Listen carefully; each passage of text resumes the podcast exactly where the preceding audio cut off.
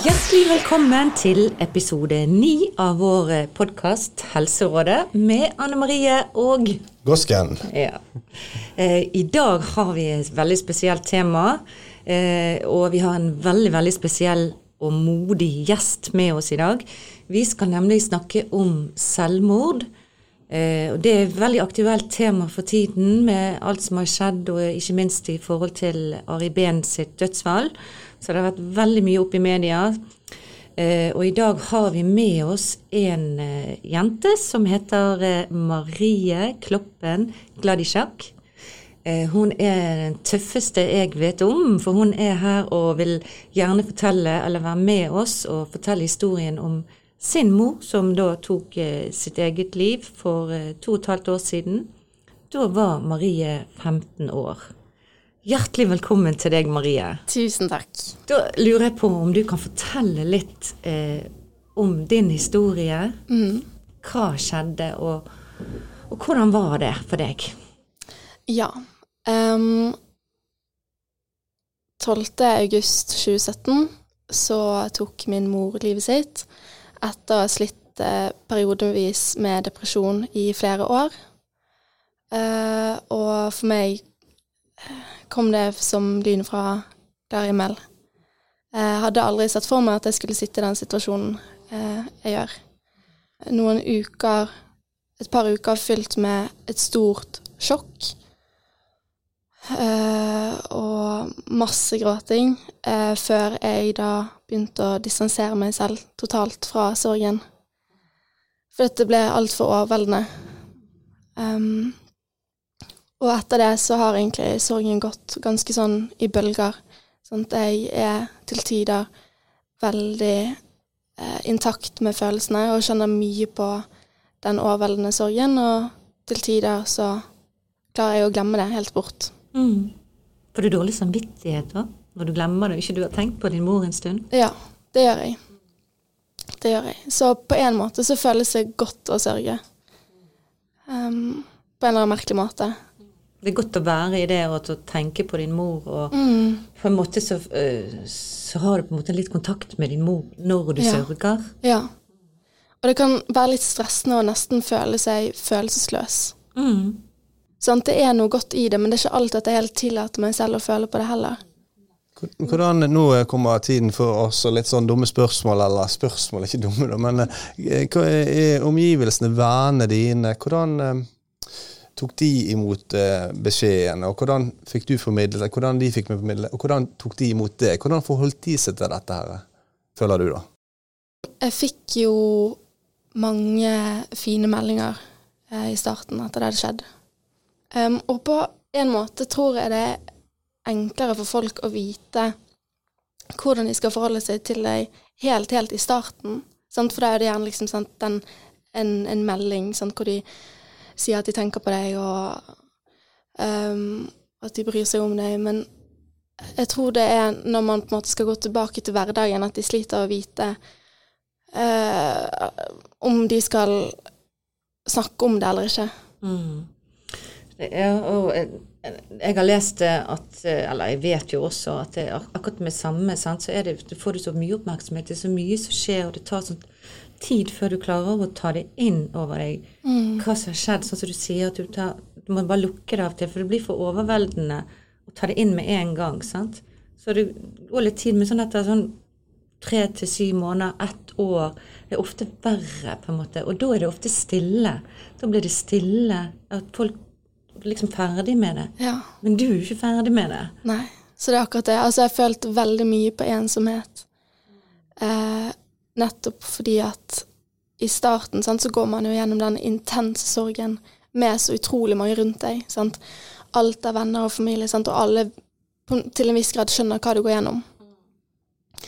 Men sant, etter da et halvannet år så kan man gjerne, sant, sånn som jeg, få de bølgene hvor det er akkurat hvor altså, jeg føler at jeg er tilbake til liksom dag én, Mm, mm. men uten Og det er veldig sånn fint bilde, for det, jeg pleier å bruke det når jeg snakker med, med, med ungdommer på kontoret, sant? med sorg generelt. Sant? At med det samme så er det bare sånn sjokk, som du sier. Ja. Det er så brutalt, det som skjer, og det er på en måte helt sånn umenneskelig nesten. Det er akkurat som en sånn tsunami som Ja. kommer og tar deg. Ja. Og etter hvert så blir det kanskje en sånn storm eller opprørt hav en stund. Mm. sant? Men til slutt, etter hvert så blir det, kommer det sånne bølger, nesten som en tsunami igjen, men den kommer nesten slår deg over ende, og så går han ut igjen, så får du litt fri, og så kommer det en ny bølge. Og etter hvert så vil jo de bølgene bli litt mindre og mindre, men de forsvinner aldri helt.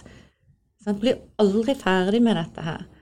Eh, på en måte, dette er jo noe du bærer med deg resten av livet, men du lærer jo på en måte å leve det med det. sant? Det er akkurat det. Men, men, eh, men folk rundt deg blir kanskje ferdig med det. Og så er det jo, er jo det litt Det har jo alltid vært tabu og litt sånn skam, og det har ikke vært snakket så mye om, sant? det med selvmord.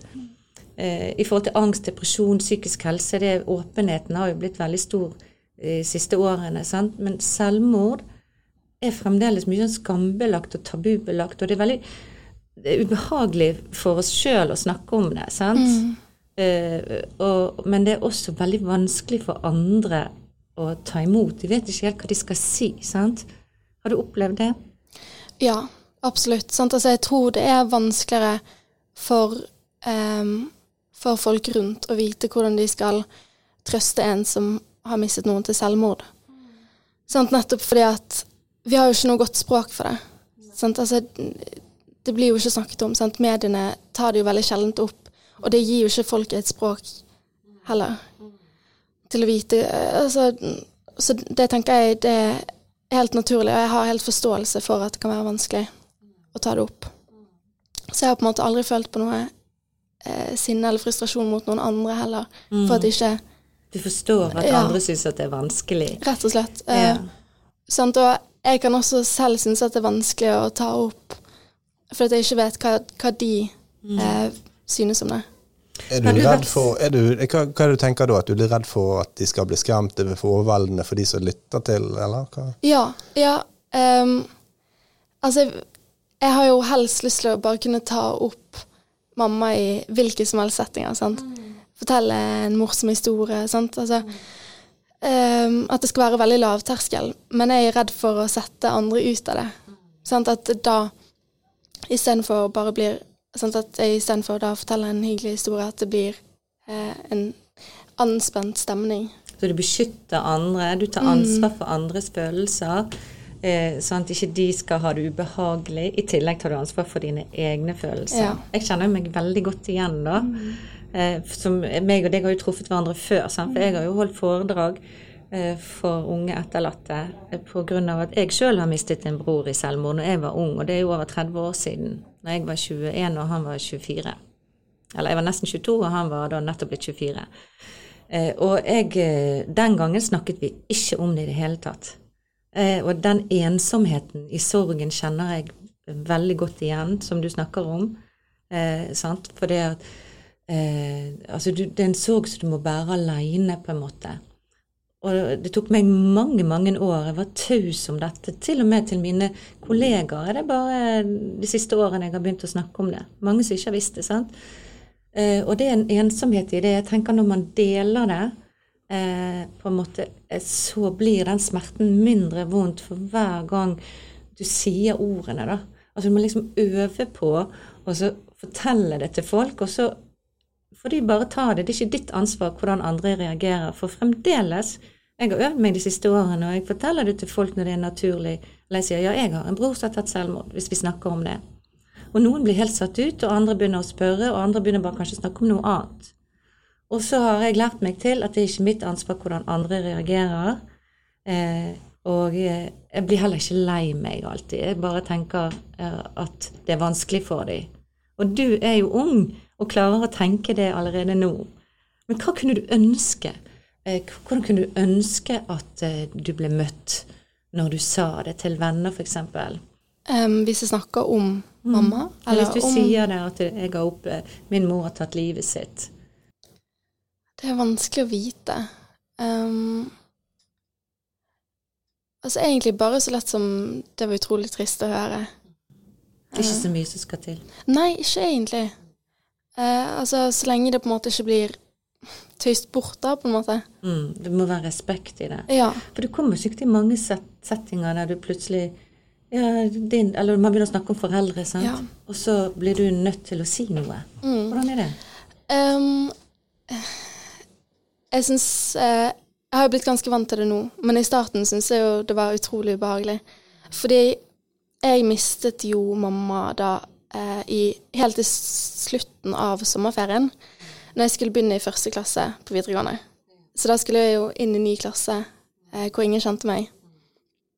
Um, så jeg var jo veldig spent på, på hvordan det skulle bli, sånn, hvordan jeg skulle klare å etablere et helt nytt nettverk når jeg akkurat hadde mistet noen. Eh, og mistet noen så nære. Um, fordi, altså Jeg lurte på hvordan jeg skulle bli kjent med andre, og andre skulle bli kjent med meg, mens jeg holdt på å måtte bli kjent med meg selv på nytt. Eh, men da eh, syns jeg det var viktig å være åpen om det helt fra start. Sant? Altså, jeg fikk da kontaktlæreren min til å gi beskjed, før jeg begynte på skolen, eh, om at jeg da hadde mistet mammaen min til selvmord. Sånn at alle da var innforstått med det eh, før jeg begynte. Så det informerte du, valgte du å informere læreren din om, som informerte de andre elevene. Ja. For da var det sagt ord på det allerede da. Ja. Så da ble det litt enklere for deg da å starte opp på første klasse på videregående. ja sant? For da slapp jeg jo på en måte å gjøre den Fikk du noen respons selv. da du begynte? Sa, Torde elevene også si noe til deg? Nei, det er det som er ganske morsomt. At jeg var veldig usikker på om noen visste det eller ikke når jeg begynte. For jeg fikk liksom ikke noe inntrykk av det. Sant? For det var ingen som sa noe eller noe. Eh, Men så var vi på en klassetur. Og da gikk jeg med et par jenter og sa sånn Ja, jeg vet ikke om dere vet det, men jeg mistet min mor til selvmord. Så er det sånn Ja, vi fikk beskjed, hele klassen. Og da, da ble jeg egentlig litt sjokkert. For det Altså Jeg tror alle var så redd for å tråkke feil, sånn at de holdt seg helt unna eh, Altså alle Alle situasjoner som kunne ja, føre til den samtalen. Det er veldig lett gjenkjennelig. Jeg har venner og nettverk som har mistet eh, barn, og det er jo mest vanskelig å miste de nærmeste. sant? Og hvordan omgivelsene skal reagere. Folk er livredde for å si noe feil. sant? Ja, Hva skade kan Altså, du er så redd for å si noe feil. Og det skjønner jeg så godt også, for jeg kjente en som mistet eh, en forelder for, en, altså for noen år tilbake. Og da var jeg helt i samme situasjon. sant? Jeg hadde ikke peiling på hva jeg skulle si, eller hva godt jeg kunne gjøre. sant? Uh, Man har ikke ord for det. Nei, det er akkurat det. det. Det er akkurat det, sant. Så jeg hadde liksom ikke noe problem med å skjønne at det var vanskelig. Men hva vil du si til folk, da? Uh, er det farlig å si noe feil? Nei. Det er akkurat det. Altså, ikke vær redd for å si noe feil. Kanskje det Eh, er bedre å si noe enn å ikke si noe det er akkurat det. Sant? Fordi hvis man sier noe, så viser man jo i det minste at man er der.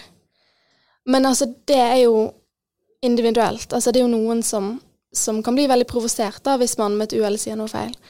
Men jeg mener i hvert fall at, at det viktigste er at man sier noe. Mm. Min erfaring når jeg snakker med, med, med mennesker som opplevde å miste noen i nær, nær familie, er jo det at det er bare å si noe. altså. Trist å høre, så leit å høre. Hvordan går det med dere nå? Altså, Ja. Det å kunne komme inn så det, så det Isen brutt litt. Grann. Ja. Det er veldig rart å ikke si noen ting. Og, og jeg syns fortsatt det er fint å få melding, altså selv nå. Sant? Hvordan er dagen din, eller hvordan, hvordan er dagene dine? Sant? Um, for, altså egentlig det med sånn hvordan går det for tiden, kan være litt sånn upresist. For det, det kan variere sånn fra dag til dag. Syns du det var godt å, å få komme, eller syns du det var godt å få den invitasjonen også, på en måte, å få komme og snakke om mamma? Absolutt. Absolutt. Jeg har savnet det. Mm. Ja, for det er litt det også. Det er litt sånn respekt i Jeg, jeg pleier også eh, Altså, jeg pleier å si at hvis jeg, jeg forteller om min bror, så er det en æreserklæring til deg. Sant? For jeg vil ikke fortelle det til hvem som helst. Men eh, det er en ære å fortelle det. Og også sånn med sånne Den dagen han døde, eller bursdagen hans, så pleier jeg å sitte ned og på en måte eh, enten grine eller tenke på han og på en måte føle at han er litt nær. sant? Så det er på en måte godt, og de gangene jeg kan få snakke om han, så syns jeg egentlig det er godt. Det er godt vondt. Godt vondt. For det jo, du bringer jo opp igjen følelsene. Men samtidig så blir det lettere for hver gang du snakker om han, sant? Og jeg tenker det er så viktig eh, for de nye personene som kommer inn i livet ditt, sant? at man snakker om dem for at de skal få et bilde av hvem den personen var, og hvem du da er. Mm. Mm. Um, det tenker jeg er utrolig viktig. Eh, og det er jo det som er så rart, sant? At, at alle nye personer som kommer inn i livet mitt, eh, aldri eh, får møte henne. Sant? Og det er derfor jeg også har lyst til å på en måte eh, fortelle om henne og snakke om hvordan hun var. Fordi jeg vil ikke gi Altså, jeg vil ikke at de skal tenke på henne som bare den, Negativt. Altså min mor som tok livet sitt. Altså, Mm. Den Det er jo veldig interessant Ja. det du sier der. Ja. Det at mamma det er jo mye mer enn bare det at hun livet sitt. Det er jo ikke det hun er eller Nei, sant, hun Hun, er hadde jo vel en jobb. Hadde, Ja, ja, ja. sant? Sant? Hun er jo ikke bare slutten på livet sitt. Altså, jeg har, Vi har glemt å si det at du har vært med i TV-programmet. For du er niesen Nei, ja, niesen til Solveig Kloppen. Og dere hadde et TV-program eh, dere var med på når hun laget program om sin mor som døde av kreft. Og seks uker etterpå så tok eh, da din mor, hennes søster, livet sitt. Og der var du med. Din mor var jo en, en veldig intelligent dame. Så hun var jo artig, morsom, kjærlig. En god mor, Ja, egentlig. utrolig varm. Sånn som jeg har sett det i det programmet der. Mm. Hvis du skal si noe negativt, så var det vel kanskje at hun var, var for flink, eller litt sånn Ja. at hun kanskje ikke delte den sårbare siden av seg. Absolutt. Hun ønsket å være veldig pliktoppfyllende. Mm. Og det, det krevde jo utrolig mye av henne. Sant? Altfor mye. Mm. Ja. Så Hun brukte mye energi på å være helt normal eller være vanlig eller late som at alt var bra. Mm. ja, Eller? prestere på alle områder. Sant? Være en god kollega, en god mor, en god venninne. Eh, alt. Hun tillot seg ikke å, å være svak, da, egentlig. Nei. Kanskje det var litt av det problemet at din mor eh, ikke klarte å dele. Men tenker du av og til hvorfor, eh, hvorfor delte hun ikke det med meg? Hvorfor kunne ikke hun snakke med noen om det? Hvorfor kunne, hvorfor kunne hun snakke med deg om det? Ja. Um, til en viss grad. Altså ehm, Hun fikk jo profesjonell hjelp. um, men jeg tror på en måte ikke at hun ville uh, bebreide meg. Um, ja. Siden jeg var såpass ung. Men jeg har jo følt i ettertid at uh, at jeg burde vært flinkere til å, til å se henne selv om At selv om hun ikke kom til meg, så burde jeg komme til hun. Skyld, føler du skyld? Ja, ja, det tenker du på nå Ja. fortsatt? Ja. ja. Så, Skyldfølelse og også skam er jo noe av det som mm, skiller selvmord fra andre dødsårsaker. Ja, at man ja. kjenner alltid på skyld, Ja. selv om man med hodet vet ja. at det er ikke din skyld. Sant? Mm. Jeg har slitt masse, masse, masse med skyld. Um, og det tror jeg vil ta meg lang tid å komme over. Sant? For jeg tenker at det er noe av det verste eh, for de etterlatte. Den enorme skyldfølelsen man kan føle på. Sant? Og at man går tilbake, og plutselig skal man se nye tegn. Skal man begynne å innse sånn Å ja, men det der var jo et rop om hjelp. Eller å ja, der. Ja, sant. Burde sett og burde gjort ja, ja, ja, ja. burde dette Hvis jeg bare hadde mm, Hvis du bare hadde ja, Mm. ja. Jeg kjenner meg veldig godt igjen i det. Og det, du kan jo si til deg sjøl at eh, du var 15 år. Hallo, du, du var egentlig et barn. Du har jo nok med å være tenåring.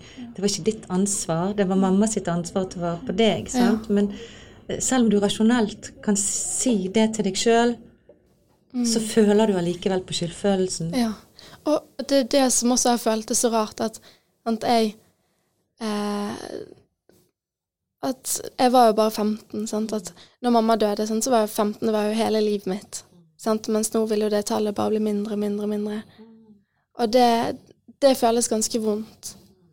Sant? At, eh, at det er så liten tid jeg fikk med henne.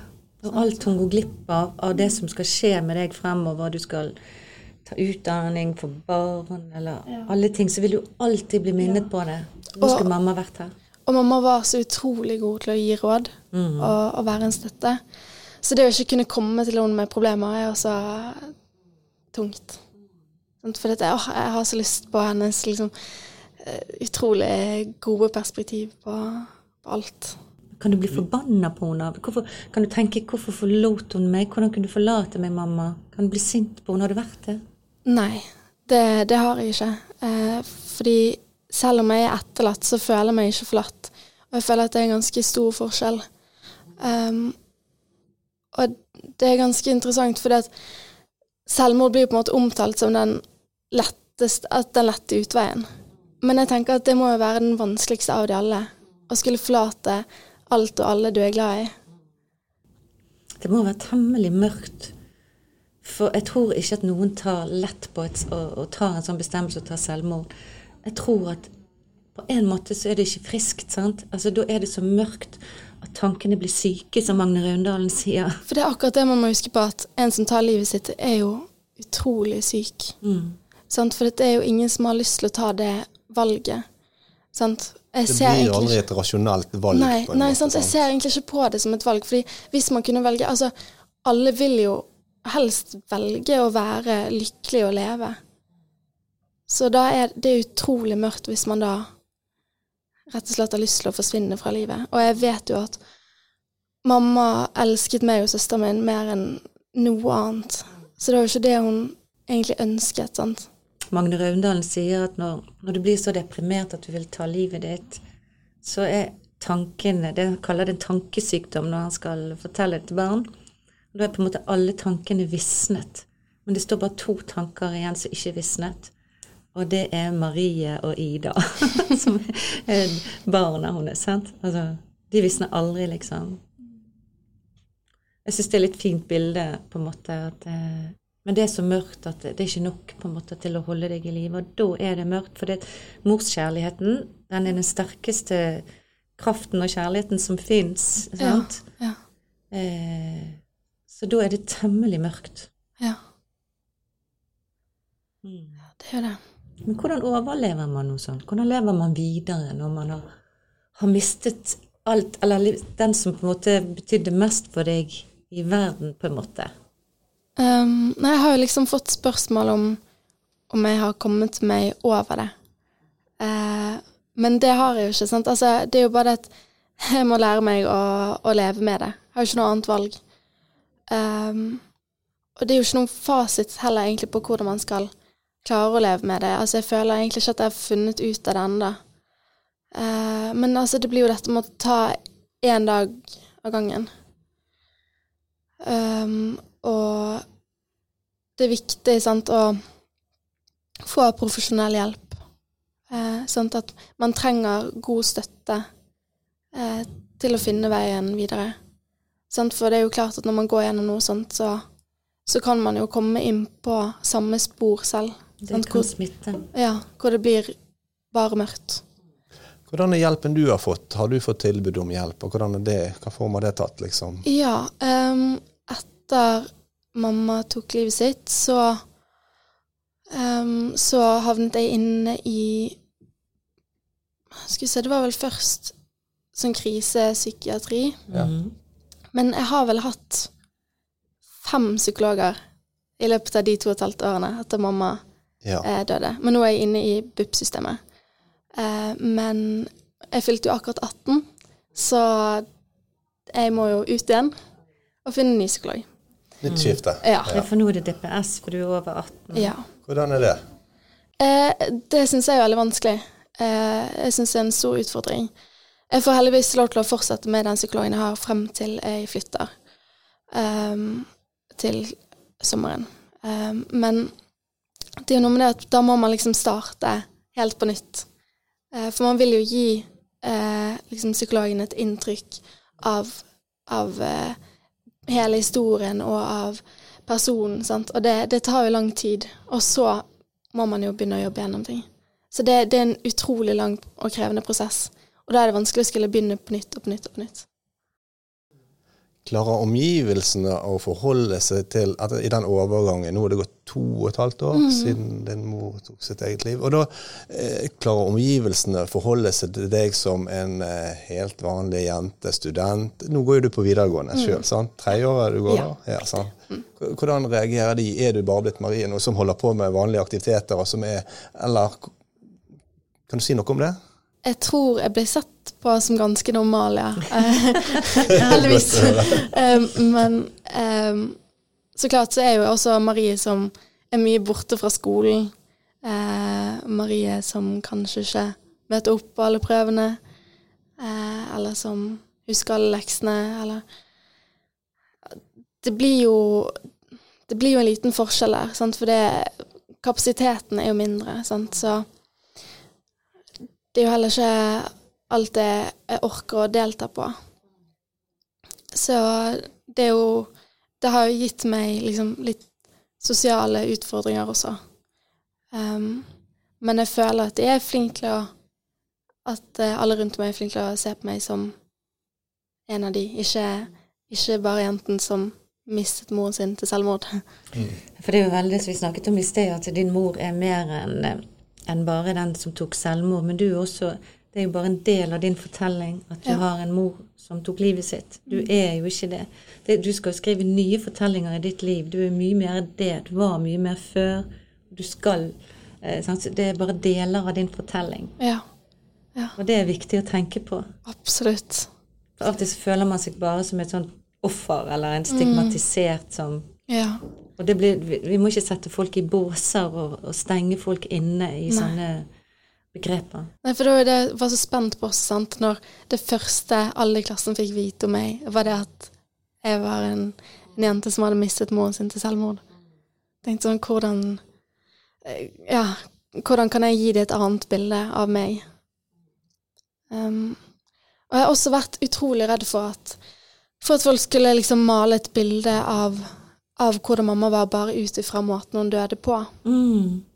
Sånn, For det er jo ikke bare én type mennesker som tar livet sitt. Det er jo Nei, det, og det er viktig. Ja. Det skjer alle, Ja. i alle lag av folkene. sant? Nei. Det, hvem som helst. Sånn, For det er jo ikke bare liksom sånn Altså, for mamma var jo veldig sånn ressurssterk, og altså jeg, Man skulle liksom ikke trodd at mamma var så deprimert som hun var. Mm. Um, Og hun fikk jo også hjelp. ja. Men det er ikke sikkert hun snakket med psykologen om det. Det er veldig mange som går til psykologer uten å snakke om det som er det verste, det vanskeligste i livet sitt. Absolutt. Og det må vi begynne med, å snakke om det. Snakke ekte, snakke sant. Man må tørre å være sårbar. Mm. Det er en veldig god utfordring. Ja. Og det når lytterne våre er, er, går jo på videregående skole, de fleste Mm. av oss, og det tror jeg er veldig bra å legge seg på minnet. Å være åpen om de sårbare tingene inni, inni seg. sant?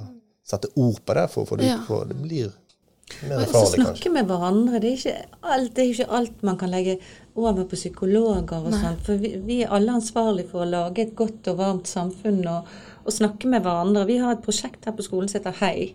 Hei-prosjektet. At man skal si hei til hverandre. Og det er nå utvidet til Hei pluss. Og da tenker jeg, jeg laget en snap i går for de som ikke har sett den, så eh, i forhold til det å på en måte være litt nysgjerrig på hverandre, spørre om ting, spørre mer, er jo da det, det verdensdagen eh, for psykisk helse 2020 sitt eh, eh, hva heter det, filosofi, eh, slagord. Det har vært gi tid og sånn først før, men nå er det spør mer. Og da tenker jeg liksom at vi skal være litt sånn nysgjerrig på hverandre. Hvordan, hvem er du, og hva har du opplevd? Og snakke litt sånn ekte. Ja, sant, og eh, ikke den eh, Ikke den overfladiske 'hvordan går det', men 'hvordan går det egentlig'? Mm, ja. Jeg lurte litt på sånn, sånn av, begynne å avslutte litt. Grann. Eh, hva- Nå er du Marie, du går i tredje klasse. Ja. Hva, har plan, hva plan har du videre? Hva er det som er liksom tankene dine? ja, det er jo et godt spørsmål. Eh, jeg tenker å gå på folkehøyskole eh, til sommeren. Hvorfor har du tenkt på det? Um, ja, det er egentlig også et godt spørsmål. Jeg, jeg- vet egentlig ikke helt. Det er vel Familien hadde eh, veldig lyst til at jeg skulle det, så da begynte jeg å se litt på det. Um, og så tror jeg at jeg kommer til å ha godt av et friår hvor jeg ikke bare sitter i egne tanker, uh, fordi det pleier ikke å føre til så mye godt. Um, så da tenker jeg at da er det godt å ha et friår hvor jeg fortsatt kan være sosial og holde på med ting uh, jeg liker. Har du bestemt for linje òg? Eh, ja, det blir uh, noe innenfor uh, TV- eller filmproduksjon. Mm. Mest sannsynlig. ja. Er det det du har lyst til å studere etterpå? Ja, det er det. Ah. Spennende. Ja. Ligger det i familien, det? Ja. ja det, det har blitt et lite mønster. Ja, for din søster går jo nå i Volda på journalistikk. Stemmer. Dette er sånn Solveig som har eh, inspirert dere. Det kan nok eh, være det, ja. Jeg tenker Det er et godt valg å ta folkehøyskole. Jeg tenker Det er et sånn dannelsesår, og du finner deg sjøl. Uansett hva du har opplevd i livet, så tror jeg alle har godt av det. ja. Veldig bra, og jeg har sjøl gått der. Kan anbefale alle å gå på folkehøyskole. og i tillegg så har jo han teknikeren vår her, har jo også da eh, Han går jo på medielinje nå, så han har Ja. god hjelp her. Det er bra. Men har du noe du har lyst til å si helt til slutt, som du ikke har fått sagt som, uh, før vi avslutter? Altså, jeg tror det går an å pirke borti det mørke uh, uten å dyrke det. Mm. Det tror jeg er ganske viktig. Jeg er så enig. Eh, Det er så Jeg tror at det å snakke om mørke, om vanskelige ting, om å snakke om selvmord, kan forebygge selvmord. Ja. Du sa det veldig fint. Jeg tror vi avslutter med det, og jeg sier tusen, tusen takk for at du ville stille opp her, og du er modig. Modig, tøff eh, jente. Og god. Tusen takk for hjelpen. Tusen takk.